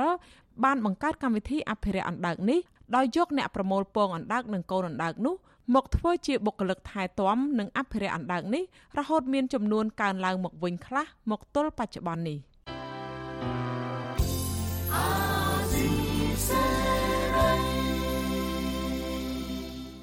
ចាលោកនាងជាទីមេត្រីតកតងទៅនឹងសំណុំរឿងរបស់អតីតអ្នកយកព័ត៌មានវັດឈូអាស៊ីសេរីវិញនៅថ្ងៃទី14ខែវិច្ឆិកាឆ្នាំ2021នេះគឺជាខួបគម្រប់4ឆ្នាំនៃការចាប់ខ្លួនអតីតអ្នកយកព័ត៌មានវັດឈូអាស៊ីសេរីពីររូប គឺលោកអ៊ុនឈិននិងលោកយាងសុធិរិនពួកគាត់និងមេធាវីនៅតែបន្តទាមទារឲ្យតុលាការទម្លាក់ចោលបទចោទប្រកាន់ដើម្បីផ្ដល់យុត្តិធម៌និងសេរីភាពពេញលេញជូនពួកគាត់ឡើងវិញរយៈពេល4ឆ្នាំនេះតុលាការគ្មានភ័ស្តុតាងគ្រប់គ្រាន់ដើម្បីបង្ហាញពីទោសកំហុសរបស់អ្នកទាំងពីរឡើយប៉ុន្តែតុលាការនៅតែបន្តរក្សាបទចោទប្រកាន់លើអ្នកទាំងពីរដដែល។ អតីតនាយកព័ត៌មានវັດឈូអាស៊ីសេរីលោកអ៊ុនឈិននិងលោកជាងសុធិរិនបានរស់នៅក្នុងភាពអយុត្តិធម៌និងបាត់បង់សិទ្ធិសេរីភាពអស់រយៈពេល4ឆ្នាំមកហើយដោយសារតែការចោទប្រកាន់មិនត្រឹមត្រូវនិងគ្មានមូលដ្ឋាន ពីសំណាក់អាជ្ញាធរនិងតុលាការរបបលោកហ៊ុនសែន។លោកយាងសុធិរិនថ្លែងថាតុលាការគួរតែពន្លឿនដោះស្រាយសំណុំរឿងរបស់ពួកលោកឲ្យបានដាច់ស្រេចមិនគួរផ្អាប់សំណុំរឿងទុកដើម្បីធ្វើបាបពួកលោកនោះទេ លោកបញ្ជាក់ថាតាំងពីក្រុមប្រឹក្សាជំនុំជម្រះសាលាដំបងរាជធានីភ្នំពេញបានបង្គាប់ឲ្យចក្រមស៊ើបសួរយកសំណុំរឿងទៅស៊ើបអង្កេតបន្ថែមឡើងវិញកាលពីដើមខែតុលាឆ្នាំ2019នោះមកចក្រមស៊ើបសួរលោកពេជ្រវិជ្ជធរមិនបានកោះហៅលោកទៅសាកសួរអ្វីឡើយអតីតនាយកព័ត៌មានវັດឈូអាស៊ីសេរីរូបនេះបន្តថាលោកទទួលរងនូវភាពអយុត្តិធម៌ធ្ងន់ធ្ងររួចទៅហើយដូច្នេះតុលាការលំមដល់ពេលលើកលែងការចោទប្រកាន់ដើម្បីឲ្យលោកមានសេរីភាពពេញលេញនិងអាចធ្វើដំណើរទៅជួបសួរសុខទុក្ខឪពុកម្ដាយចាស់ជរានៅដែនដីកម្ពុជាក្រោមក្នុងប្រទេសវៀតណាមវិញហើយ។វាអយុត្តិធម៌តាំងពីដើមមកអយុត្តិធម៌ទី1ហ្នឹងមានន័យថារកំហុសពួកខ្ញុំមិនទាំងឃើញផងយកពួកខ្ញុំហ្នឹងទៅដាក់នៅពន្ធនាគារហ្នឹង9ខែ7ថ្ងៃរួចទៅហើយអយុត្តិធម៌ទី2ហ្នឹងនៅពេលដោះលែងឲ្យគេនៅក្រៅគុំបណ្ដោះអាសន្នมันមានសេរីភាពពេញលេញហើយដាក់ស្ថិតនៅក្រោមការធ្លាប់មើលរបស់តុលាការរហូតមកដល់សប្តាហ៍ថ្ងៃទៀតអយុត្តិធម៌ទី3ហ្នឹងចំណាយពេលវេលាយ៉ាងច្រើនធ្វើការស៊ើបអង្កេតលើករណីរបស់យើងខ្ញុំហើយក៏បានចំណាយពេលយ៉ាងច្រើនដែរនៅក្នុងការធ្វើការជំនុំជម្រះដល់ពេលជំនុំជម្រះរួចហើយហ្នឹងរកផោះតាំងដាក់បន្ទុកពួកខ្ញុំមិនបានហ្នឹងហើយមិនព្រមទម្លាក់បទចោលប្រកាន់មកលើពួកខ្ញុំទេតែផ្ទុយទៅវិញបែរជាបន្តស៊ើបអង្កេតដោយគ្មានកំណត់ពេលវេលាទៅវិញអាហ្នឹងអយុត្តិធម៌ដែលកើតឡើងចំពោះពួកខ្ញុំផ្ទួនទួនគ្នាហ្នឹងដូចគ្នានេះដែរលោកអ៊ុនឈិនឲ្យដឹងថាចក្រមស៊ើបសួរមិនបានកោះហៅលោកទៅសាកសួរបន្ថែមលើអង្គហេតុណាមួយនោះទេលោកថ្លែងថារយៈពេល4ឆ្នាំនេះពួកលោកបានរស់នៅក្រោមសម្ពាធនិងការឈឺចាប់ជាច្រើន ដូចជាពិបាកស្វែងរកការងារដែលខ្លួនឯងស្រឡាញ់ដើម្បីចិញ្ចឹមគ្រួសារនិងគ្មានសេរីភាពដើរហើរពេញលេញនោះទេដោយសារតែជាប់បណ្ដឹងនៅតុលាការអ្វីដែលពួកខ្ញុំចង់បាននឹងគឺឲ្យបញ្ចប់រឿងរ៉ាវពួកខ្ញុំនឹងដើម្បីឲ្យពួកខ្ញុំនឹងមានសេរីភាពពេញលេញក្នុងការរស់នៅ ក្នុងការធ្វើដំណើរទៅណាមកណាប្រកបការងារ ឲ្យបានពេញលេញដូចគេដូចឯងហើយកុំឲ្យនៅដូចជាសពថ្ងៃនេះបាទ4ឆ្នាំកន្លងទៅនេះគឺដូចជាមានជំងឺប្រចាំកាយនៅជាប់នឹងខ្លួនអញ្ចឹងបាទនិយាយពីអារម្មណ៍វិញដូចជំងឺមហារីកអញ្ចឹង កាលពីថ្ងៃទី14ខែវិច្ឆិកាឆ្នាំ2017អាជ្ញាធរបានចាប់ខ្លួនលោកយាងសុធិរិននិងលោកអ៊ួនឈិនដោយចោទប្រកាន់ថាពួកលោកបានបង្កើតស្ទូឌីយោថតចម្រៀងដោយគ្មានច្បាប់អនុញ្ញាតប៉ុន្តែក្រោយមកបានបដូរការចោទប្រកាន់ថាពួកលោកលួចផ្ញើព័ត៌មានសម្ងាត់ទៅឲ្យបរទេសដែលជាបទល្មើសឧក្រិដ្ឋធ្ងន់ធ្ងរក្រោយមកទៀតអាជ្ញាធរបានបន្ថែមបទចោទមួយទៀតលើពួកលោកគឺការផលិតនិងកាន់កាប់រូបភាពអាអាភាស តុលាការបានឃុំខ្លួនអ្នកទាំងពីរជាង9ខែទើបដោះលែងឲ្យនៅក្រៅឃុំបណ្ដោះអាសន្នប៉ុន្តែបានដាក់អ្នកទាំងពីរឲ្យស្ថិតក្រោមការត្រួតពិនិត្យដោយរក្សាទុកលិខិតឆ្លងដែននិងអត្តសញ្ញាណប័ណ្ណហើយតម្រូវឲ្យអ្នកទាំងពីរទៅបង្ហាញខ្លួននៅប៉ុស្តិ៍ប៉ូលីសជារៀងរាល់ខែ។ តកតងនឹងសវនាការវិញតុលាការក្រុងភ្នំពេញបានជំរះក្តីរឿងនេះពីរដង និងបានពន្យាពេលប្រកាសសាលក្រមម្ដងប៉ុន្តែចុងក្រោយតុលាការបែរជាសម្រេចឲ្យស៊ើបអង្កេតរឿងក្តីនេះបន្ថែមទៀតកាលពីថ្ងៃទី3ខែតុលាឆ្នាំ2019បន្ទាប់ពីគ្មានភ័ស្តុតាងគ្រប់គ្រាន់ដើម្បីដាក់បន្ទុកលើអ្នកទាំងពីរ អ្នកទាំងពីរបានប្តឹងទាស់ការសម្រេចនេះទៅស្លាវធរនិងតុលាការកំពូលប៉ុន្តែតុលាការជាន់ខ្ពស់ទាំងពីរសុទ្ធតែបានដំកល់ការសម្រេចនោះទុកជាបានការដដែលការដែលត្រូវស៊ើបអង្កេតឡើងវិញនេះមានន័យថាសំណុំរឿងរបស់អ្នកទាំងពីរត្រូវអូសបន្លាយដោយគ្មានកាលកំណត់ហើយសិទ្ធិសេរីភាពវិញនៅតែស្ថិតក្រោមការគៀបសង្កត់ ឆ្លើយតបចំពោះរឿងនេះប្រធានសាលាដំបងរាជធានីភ្នំពេញលោកតាំងសុនឡាយអះអាងថាចក្រមស៊ើបសួរដែលកាន់សំណុំរឿងចាត់របៀបនេះធ្លាប់បានកោះហៅមេធាវីនិងជនជាប់ចោតទាំងពីរដើម្បីសាកសួរ3ទៅ4ដងរួចហើយប៉ុន្តែពួកគាត់បដិសេធចូលបំភ្លឺដែលជាហេតុធ្វើឲ្យមានការអូសបន្លាយរហូតមក ជួបមួយគាត់ផ្ទាល់ឡើងវិញហើយជួបមេធាវីគាត់ផ្ទាល់ឡើងវិញខាងជាក្រុមជើដួហ្នឹងទទួលក្នុងរឿងកាត់របៀបហ្នឹងគាត់បានហៅគាត់ទៅ4ដងហើយហើយប៉ុន្តែគាត់អត់ដែរចូលទេគឺខ្លួនគាត់អត់ចូលទៅបំភ្លឺហើយសួរគាត់ថាមូលហេតុអីបានគាត់អត់ចូលលោកបញ្ជាក់ទៅពួកមេធាវីអញ្ចឹងរឿងហ្នឹងទៅមុខអត់ដូចដោយសារគាត់អត់សហការជាមួយអញ្ចឹងចាំខ្ញុំបញ្ជាក់មួយខាងជាក្រុមថែមទៀតប៉ុន្តែអ្វីដែលខ្ញុំគូបានមានតែប៉ុណ្្នឹងទេ ទោះយ៉ាងណាលោកអ៊ួនឈិននិងលោកយាងសុធិរិន នៅតែអះអាងថាពួកលោកមិនធ្លាប់បានទទួលដីកាកោះពីចៅក្រមស៊ើបសួរនោះទេចំណែកមេធាវីការពារក្តីឲ្យអ្នកទាំងពីរគឺលោកសំចម្រើនអះអាងថាលោកធ្លាប់បានទទួលដីកាកោះហៅម្ដងគត់ប៉ុន្តែដោយសារពេលនោះលោកជាប់រវល់ការងារច្រើនទើបស្នើសុំលើកពេលលោកបញ្ជាក់ថាចាប់តាំងពីពេលនោះមកលោកនឹងកូនក្តីមិនដែលទទួលបានដីកាកោះហៅបំភ្លឺទៀតឡើយ លោកសង្កត់ធ្ងន់ថាការអូសបន្លាយនីតិវិធីនេះធ្វើឲ្យប៉ះពាល់ដល់សិទ្ធិនិងផលប្រយោជន៍របស់កូនក្តីលោកដូចខ្ញុំបញ្ជាក់ពីដើមគុណក្តីណាមួយមានពាក់ព័ន្ធនឹងនីតិវិធីវាមានប៉ះពាល់ផ្លូវចិត្តនិងរែងអារម្មណ៍ផ្សេងផ្សេងហើយជាមួយគឺគាត់បានន័យថាគាត់នៅមិនទាន់អាចស្រាច់តើរឿងនឹងចប់នៅពេលណាគឺវាមានរែងចំណងអារម្មណ៍ចំណងអីផ្សេងផ្សេងមិនអាចស្រាច់អឺនៅចាំមើលខ្ញុំនឹងទៅពិនិត្យមើលរែងឯកសារតាមទៅវិញតើតើដំណើរការរយៈពេល កន្លងមកនេះតឡាការមានផតាំងថ្មីអត់បើសិនជាផតាំងនៅដដែលពីលើកទៅយើងតាក់ពាក្យថាសូមឲ្យចោតប្រកាន់អីយើងទៅតាមនីតិវិធីណាបាទលោកយើងសុធិរិនលើកឡើងថាប្រសិនបើតុលាការនៅតែព្យាយាមរកវិធីធ្វើយ៉ាងណាឲ្យពួកលោកបន្តជាប់ចោតនិងបាត់បង់សិទ្ធិសេរីភាពដោយគ្មានកំណត់នេះគឺបង្ហាញឲ្យឃើញថា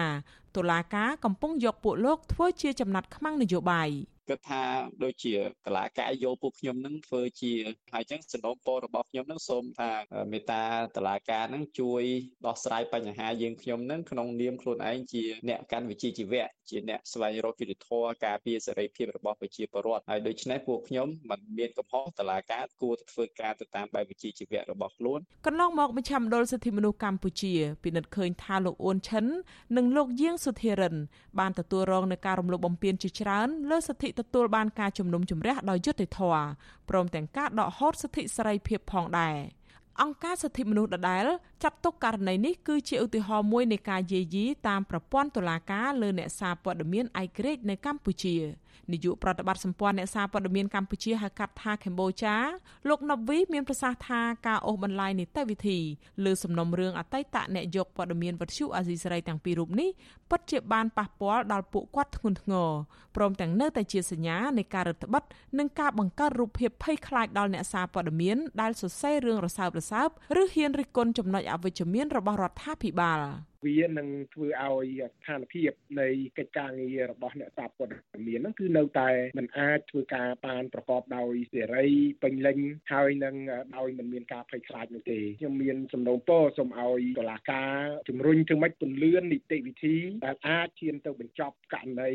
ចំពោះពួកគាត់ដោយសារតែយើងដឹងហើយថាពួកគាត់ទាំងពីរនាក់គឺគ្រាន់តែបានបំពេញជាជីវៈជាអ្នកសារព័ត៌មានហើយមិនគួរដោយសារតែមូលហេតុរឿងតាក់ទងវិបត្តិនយោបាយដែលអាចធ្វើឲ្យពួកគាត់នឹងទៅរងនៅការចោទប្រកាន់ផ្សេងៗនោះទេក្រុមអង្គការសង្គមស៊ីវិលជាតិនិងអន្តរជាតិរួមទាំងទីភ្នាក់ងាររបស់អង្គការសហប្រជាជាតិផងសុទ្ធតែវាយតម្លៃថាសំណុំរឿងប្រមទ័នប្រឆាំងនឹងអតីតនាយកព័ត៌មានវិទ្យុអាស៊ីសេរីទាំងពីររូបធ្វើឡើងដោយមិនត្រឹមត្រូវនិងផ្ទុយពីគោលការណ៍ច្បាប់ ចំណែកអង្គការឃ្លាំមើលសិទ្ធិមនុស្សអន្តរជាតិ Human Rights Watch បានវាយតម្លៃថាលោកអ៊ួនឈិននិងលោកយាងសុធិរិន គឺជាជនរងគ្រោះនៃការវាយបង្ក្រាបឥតស្រាកស្រានរបស់លោកហ៊ុនសែនលើសារព័ត៌មានឯករាជ្យនិងសេរីភាពបញ្ចេញមតិនៅកម្ពុជា សង្គមស៊ីវិលជាតិនិងអន្តរជាតិតែងស្នើយ៉ាងទទូចដល់តុលាការឲ្យទម្លាក់ចោលបទចោទប្រកាន់និងផ្ដល់សេរីភាពពេញលេញដល់អ្នកទាំងពីរឡើងវិញព្រមទាំងបញ្ឈប់ការបង្ក្រាបលើសេរីភាពសារព័ត៌មានតទៅទៀត។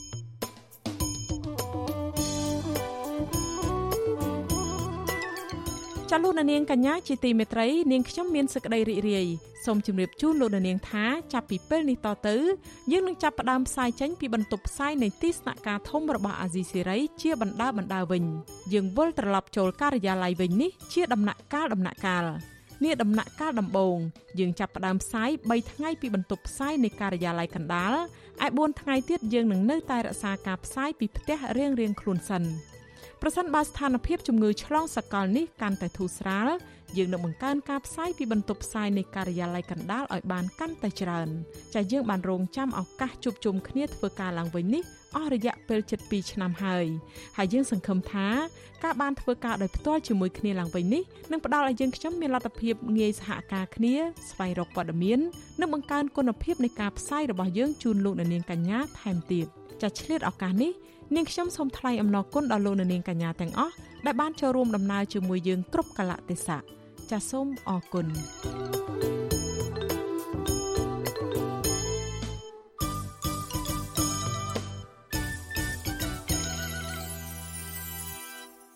ចាលោករនាងកញ្ញាប្រិយមិត្តអ្នកស្ដាប់ជាទីមេត្រីអាជីវករលក់ដូរចំនួន74គ្រួសាររស់នៅក្រុងកែបបានលើកគ្នាតវ៉ាជាបន្តបន្ទាប់ដើម្បីទាមទារឲ្យអាជ្ញាធរខេត្តនេះ កាយដីចេញពីតំបន់ឆ្នេរជ្រោយដូងដែលរដ្ឋបាលខេត្តបានអនុវត្តគម្រោងចាក់ដីលុបសមុទ្រកន្លងមកនេះអ្នកភូមិថាមកទល់ពេលនេះពួកគេមិនទាន់ទទួលបានដំណោះស្រាយនៅឡើយហើយការលុបឆ្នេរសមុទ្រកន្លងមកនេះបានធ្វើឲ្យប៉ះពាល់ដល់ការលក់ដូររបស់ពួកគាត់ដែលនាំឲ្យជីវភាពរបស់ពួកគាត់កាន់តែធ្លាក់ចុះដុនដាបចាលោកសេកបណ្ឌិត មានសេចក្តីរាយការណ៍អំពីរឿងនេះអាជីវករជិត100គ្រួសារជាអ្នកលក់ដូរនៅចំណុចឆ្នេរជ្រោយដូងក្រុងកែប ទៀមទាយ៉ាងទទូចដល់អាជ្ញាធរឲ្យកាយដីចេញពីគម្រោងអភិវឌ្ឍនិងចាក់ខ្សាច់បំពេញនៅចំណុចឆ្នេរជ្រោយដូងវិញ ដើម្បីកែប្រែសោភ័ណភាពអាចឲ្យពួកគាត់មានឱកាសប្រកបរបររកប្រាក់ចំណូលសម្រាប់ចិញ្ចឹមគ្រួសារ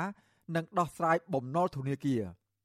ពួកគេចាត់ទុកទង្វើរបស់រដ្ឋបាលខេត្តកែបដែលអនុវត្តគម្រោងលុបឆ្នេរសមុទ្រកន្លងមកនេះថាมันមានតម្លាភាពនិងកំពុងបំបិតឆ្នាំងបាយរបស់ប្រជាពលរដ្ឋ ដែលធ្លាប់អាស្រ័យផលជាង3ទសវត្សរ៍មកហើយក្រមអាជីវករអះអាងថា ការដោះស្រាយរបស់អាជ្ញាធរខេត្តកែបមិនមានការទទួលខុសត្រូវចំពោះប្រជាពលរដ្ឋឡើយដោយអាជ្ញាធរមូលដ្ឋានពន្យល់ផ្ដោតសំខាន់តែទៅលើការអភិវឌ្ឍគម្រោងនេះធ្វើយ៉ាងណាសម្រេចឲ្យបានឆាប់បំផុត ចំណែកបញ្ហាជីវភាពរបស់ប្រជាពលរដ្ឋកំពុងរងទុក្ខវេទនាពីការអភិវឌ្ឍមួយនេះអាជ្ញាធរមិនបានរកដំណោះស្រាយជូនពួកគាត់ឡើយ។ អាជីវករម្នាក់នៅចំណុចឆ្នេរជ្រោយដូងថ្លែងសុំមិនបញ្ចេញឈ្មោះប្រាប់បទសុអាស៊ីសេរីកាលពីថ្ងៃទី12វិច្ឆិកាថាអាជីវករទាំងអស់បានរួមគ្នាផ្តិតមេដៃនិងដាក់ញត្តិជាបន្តបន្ទាប់ដើម្បីស្នើដល់លោកនាយករដ្ឋមន្ត្រីហ៊ុនសែនឲ្យជួយដោះស្រាយបញ្ហានេះនិងជំរុញឲ្យអាជ្ញាធរកាយដីចេញពីតំបន់ឆ្នេរនោះវិញអាជីវកររូបនេះបញ្ជាក់ទៀតថាការអនុវត្តគម្រោងលុបសមុទ្រកន្លងមកនេះអាជ្ញាធរខេត្តកែប មិនបានកោះហៅអាជីវករទាំង74គ្រួសារដើម្បីដោះស្រាយបញ្ហាសេដ្ឋកិច្ចគ្រួសារឲ្យពួកគេទទួលបានដំណោះស្រាយសមរម្យឡើយ ខ្ញុំបៀវនាវអំដាច់ហ៊ុនសែនឲ្យជួយដល់កូនចៅសម្ដេចអើយសោខេងឲ្យជួយកូនចៅបើមិនជួយចឹងដាច់ចោលហើយធនាគារពាក់រង្វាន់ក៏លើចៃលុយគេមកបង់ធនាគារទៅហួរដងគេមកអង្គុយគេបានទឹកសមុទ្របានអីចឹងឡើយនេះវាមានធ្នេមួយទឹកមួយអីដល់ពេលឥឡូវវាអត់មានធ្នេមួយទឹកមួយអីកើតអញ្ចឹងគេថាគេសុកចិត្តអង្គុយនៅផ្ទះគេមិនស្រួលជាងព្រោះមកមកលេងសមុទ្រគេត្រូវការមកចិត្តសមុទ្រចឹងក្រោមរូបភាពអភិវឌ្ឍឆ្នេរសមុទ្រនេះ ប្រជាពលរដ្ឋក្រុងកែបនិងអាជីវករទាំង74គ្រួសាររិះគន់អាជ្ញាធរខេត្តនេះថាកំពុងបំផ្លិចបំផ្លាញភោគទ្រព្យធនធានធម្មជាតិក្នុងនោះមានព្រៃឈើត្រូវបានដួលរលំភ្នំអូសៀនក៏រលាយតំបន់ឆ្នេរដែលធ្លាប់មានភ្ញៀវទេសចរជាតិនិងអន្តរជាតិមកមុជទឹកលំហែកាយក៏បានប្រែក្លាយជាដីគោកលើសពីនេះអាជីវករទាំងអស់ព្រួយចិត្តថាតំបន់ឆ្នេរជ្រោយដូង នឹងអាចប្រែក្លាយជាតំបន់អាគារអ្នកមានអំណាច និងក្រុមហ៊ុនចិនដូចនៅក្រុងព្រះសីហនុដែរស្របពេលដែលការអនុវត្តគម្រោងនេះមិនទាន់មានធ្វើអនុប្រយោគហើយអាជ្ញាធរមូលដ្ឋាន នៅតែព្យាយាមបិទបាំងព័ត៌មាននេះជាងនេះទៅទៀតអាជីវករទាំង74គ្រួសារព្រមថានឹងត្រូវបានអាជ្ញាធរបណ្ដេញពួកគេលែងឲ្យប្រកបរបរ ក្រោមលេសយកឆ្នេរនេះដើម្បីអភិវឌ្ឍនៅខេត្តកែបនេះរឿងច្រើនណាស់គាត់អភិវឌ្ឍបានអីខ្លះដែលឲ្យប្រជាជនពេញចិត្តមានតែមកចាក់នេះចាក់កន្លែងនេះគឺស្នេហ៍ភ្ញៀវមកមួយទឹកលេងកំសាន្តឥឡូវលុបបំបត្តិឆ្នេរនឹងបាត់ហើយភ្នំក៏អស់ភ្នំវល់ខ្ទេចទីអស់ផ្លូវខ្នល់កស៊ូឡើងលួយវល់អស់ហើយគិតមើលហើយហ្នឹងមានអភិវឌ្ឍអាម៉េចអាហ្នឹងហ្នឹងអភិវឌ្ឍជាតិហើយក៏បំផ្លាញជាតិខ្ញុំឆ្ងល់ហើយនេះ គាត់អភិវឌ្ឍយូរយូរទៅបាត់ឆ្នេរអស់ហើយឆ្នេរសមុទ្រមានតែពីរទេបាត់បាត់ឆ្នេរសមុទ្រយើងអស់ហើយក្មេងចំនួនក្រោយអត់ស្គាល់ទេ បាត់សមុទ្រអស់អាលីងបាត់ហ្មងអត់ស្គាល់ថាឆ្នេរជួយដងនឹងទ្រាបមិនទេរដ្ឋបាលខេត្តកែបបានប្រកាសក្នុងគេហទំព័រផ្លូវការរបស់ខ្លួនកន្លងទៅថាគម្រោងពង្រីកឆ្នេរនេះ មានគោលបំណងពង្រីកតំបន់កំសាន្តពង្រីកសក្តានុពល ហើយអាជ្ញាធរ ពុំបានធ្វើការរុះរើតូបលក់ដូររបស់អាជីវករដែលប្រកបអាជីវកម្មនៅតំបន់នេះឡើយប៉ុន្តែរដ្ឋបាលខេត្តកែបបញ្ជាក់ថាប្រសិនបើមានគម្រោងអភិវឌ្ឍជាបន្តបន្ទាប់ទៅថ្ងៃអនាគតអាជីវករទាំងអស់នឹងត្រូវរុះរើកន្លែងប្រកបអាជីវកម្មដោយគ្មានការតវ៉ាវិទ្យុអសីស្រីបានព្យាយាមតាក់ទងសុំការបកស្រាយលម្អិតជុំវិញរឿងនេះពីអភិបាលខេត្តកែបលោកសោមពិសិដ្ឋ និងអ្នកនាំពាក្យក្រសួងបរិស្ថានលោកនេតភត្រាក៏ប៉ុន្តែទូរស័ព្ទហៅចូលច្រើនដង តែគ្មានអ្នកទទួលនៅថ្ងៃទី12ខែវិច្ឆិកាប៉ុន្តែអភិបាលខេត្តកែបលោកសោមពិសិដ្ឋថ្លែងប្រាប់ប្រជាពលរដ្ឋនៅចំពោះមុខកាលពីថ្ងៃទី25ខែតុលាថាគម្រោងអភិវឌ្ឍនេះមិនបានវិនិយោគឲ្យក្រុមហ៊ុនណាឡើយហើយរដ្ឋបាលខេត្តនឹងចាក់ខ្សាច់បន្ថែមនៅទីតាំងអភិវឌ្ឍនោះ លោកស្នើសុំឲ្យអាជីវករទាំងអស់លះបង់ផលប្រយោជន៍ដើម្បីចូលរួមនៅក្នុងការអភិវឌ្ឍលុបសមុទ្រនេះដើម្បីជាប្រយោជន៍សាធារណៈឥឡូវយើងរកចំណុចណាមួយដែលលះបង់ទាំងអស់គ្នាដើម្បីប្រយោជន៍សាធារណៈចាំបន្តិចទៅនឹងមានស្អាតហើយកន្លែងហ្នឹងបាទនឹងស្អាតហើយមានកន្លែងចតឡានមានកន្លែងអីសម្រាប់ស្រួលរត់លេងហើយកន្លែងនេះគឺចំណេញបងប្អូនទេហើយអ្នកអាស្រ័យផលគឺនៅកន្លែងហ្នឹងទេតំណាងអាជីវករលោកស្រីគុណធឿន ច្រានចោលចំពោះការលើកឡើងរបស់អភិបាលខេត្តរូបនេះលោកស្រីទៀមទាឲ្យអាជ្ញាធរមូលដ្ឋាន កាយដីចេញពីចំណុចឆ្នេរជ្រោយដូងដោយមានការចាក់ដីខ្សាច់សម្រាប់ឲ្យភ្ញៀវទេសចរអាចមកលំហែកាយនិងកែប្រែសោភ័ណភាពនៅតំបន់ឆ្នេរឲ្យបានស្រស់ស្អាតដូចដើមដើម្បីឲ្យក្រុមអាជីវករទាំងអស់អាចរកប្រាក់ចំណូលចិញ្ចឹមគ្រួសារដូចពេលកន្លងទៅ។ ដំណោះស្រាយនេះអត់តាន់សមស្របនៅឡើយព្រោះពួកខ្ញុំខ្ញុំចង់បានថាតោពួកខ្ញុំនឹងនៅទីតាំងកន្លែងដដែលនិងសុំសាងសង់ឲ្យស្អាតឲ្យមានសុខភាពនិងដើម្បីតេទៀងភ្ញៀវទេសចរជាតិអន្តរជាតិហើយទី2ខ្ញុំចង់បានថាកន្លែងនឹងឲ្យកាយដីនិងបំពេញចាក់ខ្សាច់ឲ្យមានទឹកឡើងមកបានពួកខ្ញុំលក់បានអញ្ចឹងណាឥឡូវពួកខ្ញុំលក់អត់បានទេ កំណត់ហេតុរដ្ឋបាលខេត្តបង្ហាញថាគម្រោងអភិវឌ្ឍនេះมันអាចបញ្ឈប់បាននោះទេព្រោះគម្រោងនេះ បានលើកនៅក្នុងកម្មវិធីវិនិយោគ3ឆ្នាំ ដើម្បីអភិវឌ្ឍគម្រោងជាជំហានជំហានដោយមានការឯកភាពពីថ្នាក់ជាតិរួចហើយក្នុងខ្លឹមសារកំណត់ហេតុនោះអភិបាលរងខេត្តកែបលោកអុកថាបញ្ជាក់ថាការអភិវឌ្ឍនេះជាគម្រោងរបស់រដ្ឋ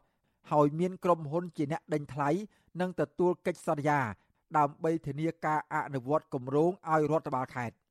ជុំវិញរឿងនេះមន្ត្រីអង្គការសង្គមស៊ីវិលនៅតែមានមន្ទិលជាច្រើន និងព្រួយបារម្ភពីគម្រោងអភិវឌ្ឍនេះថាអាចប្រែក្លាយជាតំបន់រមណីយដ្ឋាន មានអាគារវិនិយោគក្តោបក្តាប់ដោយក្រុមបុគ្គលអ្នកមានលុយមានអំណាច និងក្រុមហ៊ុនចិននៅថ្ងៃអនាគតគណៈអាជ្ញាធរមូលដ្ឋានមិនទាន់មានដំណោះស្រាយសមស្របជូនប្រជាពលរដ្ឋដែលកំពុងជួបទុក្ខកង្វល់នៅឡើយប្រធានសមាគមប្រជាធិបតេយ្យឯករាជ្យនៃសេដ្ឋកិច្ចក្រៅប្រព័ន្ធហៅកាត់ថា IDEA លោកវ៉ាន់ពៅយល់ថាការតវ៉ារបស់អាជីវករ គឺជារឿងត្រឹមត្រូវព្រោះអំឡុងការបើកប្រទេសឡើងវិញអាជីវករត្រូវការកន្លែងប្រកបរបរដើម្បីស្ដារសេដ្ឋកិច្ចដែលរងគ្រោះព្រោះជំងឺរាតត្បាតជាសកល COVID-19 លោកបន្តថារដ្ឋមានទួនាទីក្នុងការលើកកម្ពស់សេដ្ឋកិច្ចនិងសម្រួលកន្លែងលក់ដូរជូនដល់ប្រជាពលរដ្ឋដូច្នេះលោកជំរុញដល់អាជ្ញាធរមូលដ្ឋាន ពិចារណាពីគម្រោងអភិវឌ្ឍនេះដើម្បីធានាថា ពួកគេមិនទទួលរងផលប៉ះពាល់បន្ថែមទៀត ការតវ៉ាខ្ញុំគិតថាវាជារឿងត្រឹមត្រូវដែលអាជីវករគាត់ត្រូវការរស់គាត់ត្រូវការកន្លែងគាត់លក់ដូរសមរម្យតែអ្នកណាគេអភិវឌ្ឍហើយធ្វើឲ្យប្រជាពលរដ្ឋបាត់បង់ការងារបាត់បង់មុខរបរអញ្ចឹងទេអាហ្នឹងការអភិវឌ្ឍបែបហ្នឹងគឺគេហៅថាការអភិវឌ្ឍឬក៏ជាការរៀបចំស្ដាប់ធ្នាប់ដូចគ្នាការទទួលខុសត្រូវអញ្ចឹងបើសិនគិតតាមទូនីតិអាជ្ញាធររដ្ឋធ្វើអ្វីក៏ដោយគឺត្រូវតែទទួលខុសត្រូវចំពោះប្រជាពលរដ្ឋជាមួយគ្នានេះដែរអ្នកសម្របសម្រួលសមាគមអាត6ប្រចាំខេត្តកែបលោកយុនផលី សង្កេតឃើញថាការចាក់ដីលុបសមុទ្រកន្លងមកនេះអាចនឹងមានការសាងសង់ខ្ជុះនិងរមណីយដ្ឋានបន្ថែមទៀតដែលធ្វើឲ្យប្រជាពលរដ្ឋមានការតវ៉ានិងព្រួយបារម្ភខ្លាចបាត់បង់កន្លែងធ្លាប់អាស្រ័យផលលោកសង្កត់ធ្ងន់ថាប្រសិនបើនៅថ្ងៃខាងមុខមានការអភិវឌ្ឍគម្រោងជាបន្តបន្ទាប់ទៀតអាជ្ញាធរត្រូវតែទទួលខុសត្រូវលើប្រជាពលរដ្ឋធ្វើយ៉ាងណាអាចឲ្យពួកគេរកចំណូលបានពីសេវាកម្មបម្រើភ្ញៀវទេសចរនេះលើសពីនេះ លោកជំរុញដល់អាជ្ញាធរមូលដ្ឋានត្រូវតែជួបពិភាក្សាជាមួយនឹងប្រជាពលរដ្ឋនិងបង្ហាញរបាយការណ៍ពាក់ព័ន្ធប្រកបដោយតម្លាភាពដោយធានាថាគ្មានការខុបខិតប្រព្រឹត្តអំពើពុករលួយ។ ថាអាជ្ញាធរខេត្តលោកគួរតែហៅបងប្អូនអាជីវករទាំងអស់ប្រជុំពីហេតុផលនិងផលប៉ះពាល់ណាមួយណាតែតេតិនការអភិវឌ្ឍអភិវឌ្ឍការបង្រីនឹងតើតើបង្រីធ្វើស្អីទេឲ្យប្រជាពលរដ្ឋលោកដឹងពីផែនការនៃការអភិវឌ្ឍនឹងតើឥឡូវកន្លែងនេះត្រូវធ្វើសួនច្បារកន្លែងត្រូវធ្វើកន្លែងតាក់ទាញភ្ញៀវទេសចរកន្លែងបាញ់ទឹកបាញ់អីសពបែបយ៉ាងឧទាហរណ៍អញ្ចឹងអញ្ចឹងអាតម្លាភាពនឹងគួរឲ្យប្រជាពលរដ្ឋលោកបានដឹងហើយបើមិនជាលោកបានដឹងហើយហើយវាអស់ចិត្តហើយខ្ញុំជឿថារូបគេរូបខ្ញុំបើមិនបានបង្ហាញពីហេតុផលពីការអភិវឌ្ឍផ្សេងៗនៅតែមានបន្តិលច្បាប់ស្ដីពីការគ្រប់គ្រងប្រើប្រាស់និងការចាត់ចែងលើទ្រព្យសម្បត្តិរដ្ឋមាត្រា5ចែងថាទ្រព្យសម្បត្តិរបស់រដ្ឋដែលកើតមានពីធម្មជាតិមានជាអាចឆ្នេរសមុទ្របឹងព្រៃឈើទន្លេកោះរ៉ែភ្នំស្ថិតនៅក្រោមអធិបតេយ្យភាពនៃព្រះរាជាណាចក្រកម្ពុជាទ្រព្យសម្បត្តិសាធារណៈរបស់រដ្ឋមកជាទ្រព្យសម្បត្តិឯកជនរបស់រដ្ឋមាត្រា27ចែងថា លក្ខខណ្ឌនៃការប្រើប្រាស់របស់រដ្ឋត្រូវតែបម្រើផលប្រយោជន៍សាធារណៈនិងមានការធ្វើអនុប្រយោគកំណត់ដោយអនុក្រឹត្យមានចុះហត្ថលេខាដោយនាយករដ្ឋមន្ត្រីខ្ញុំបាទសេកបណ្ឌិតវិទ្យុអាស៊ីសេរីពីរដ្ឋធានីវ៉ាស៊ីនតោន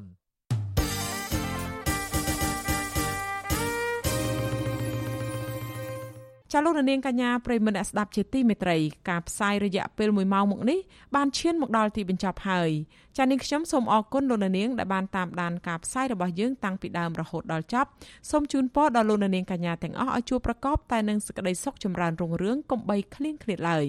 ចាសម្រាប់ពេលនេះនាងខ្ញុំខែសុណងព្រមទាំងក្រុមការងារទាំងអស់នៃវិទ្យុអាស៊ីសេរីសូមអរគុណនិងសូមជម្រាបលា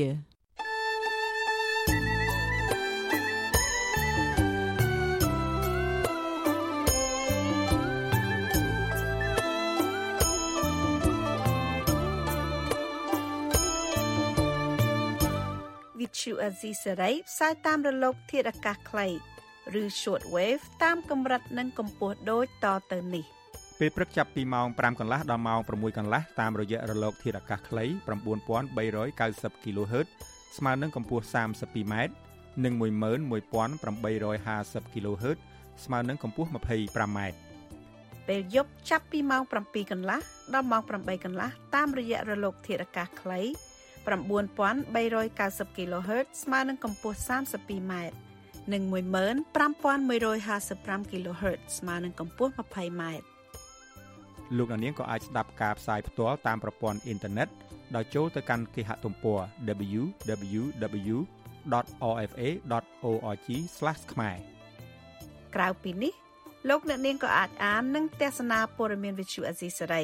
លើទូរស័ព្ទដៃរបស់លោកអ្នកផ្ទាល់ សូមលោកអ្នកនាងចូលទៅកាន់បណ្ដាញសង្គម Facebook ដែលមានអាសយដ្ឋាន www.facebook.com/rfa.cambodia និង YouTube www.youtube.com/rfa ខ្មែរ video សូមលោកអ្នកនាងចុច like និងចុច subscribe ដើម្បីទទួលបានព័ត៌មានថ្មីៗទាន់ហេតុការណ៍និងទស្សនាវីដេអូផ្សេងៗទៀតបានគ្រប់ពេលវេលា។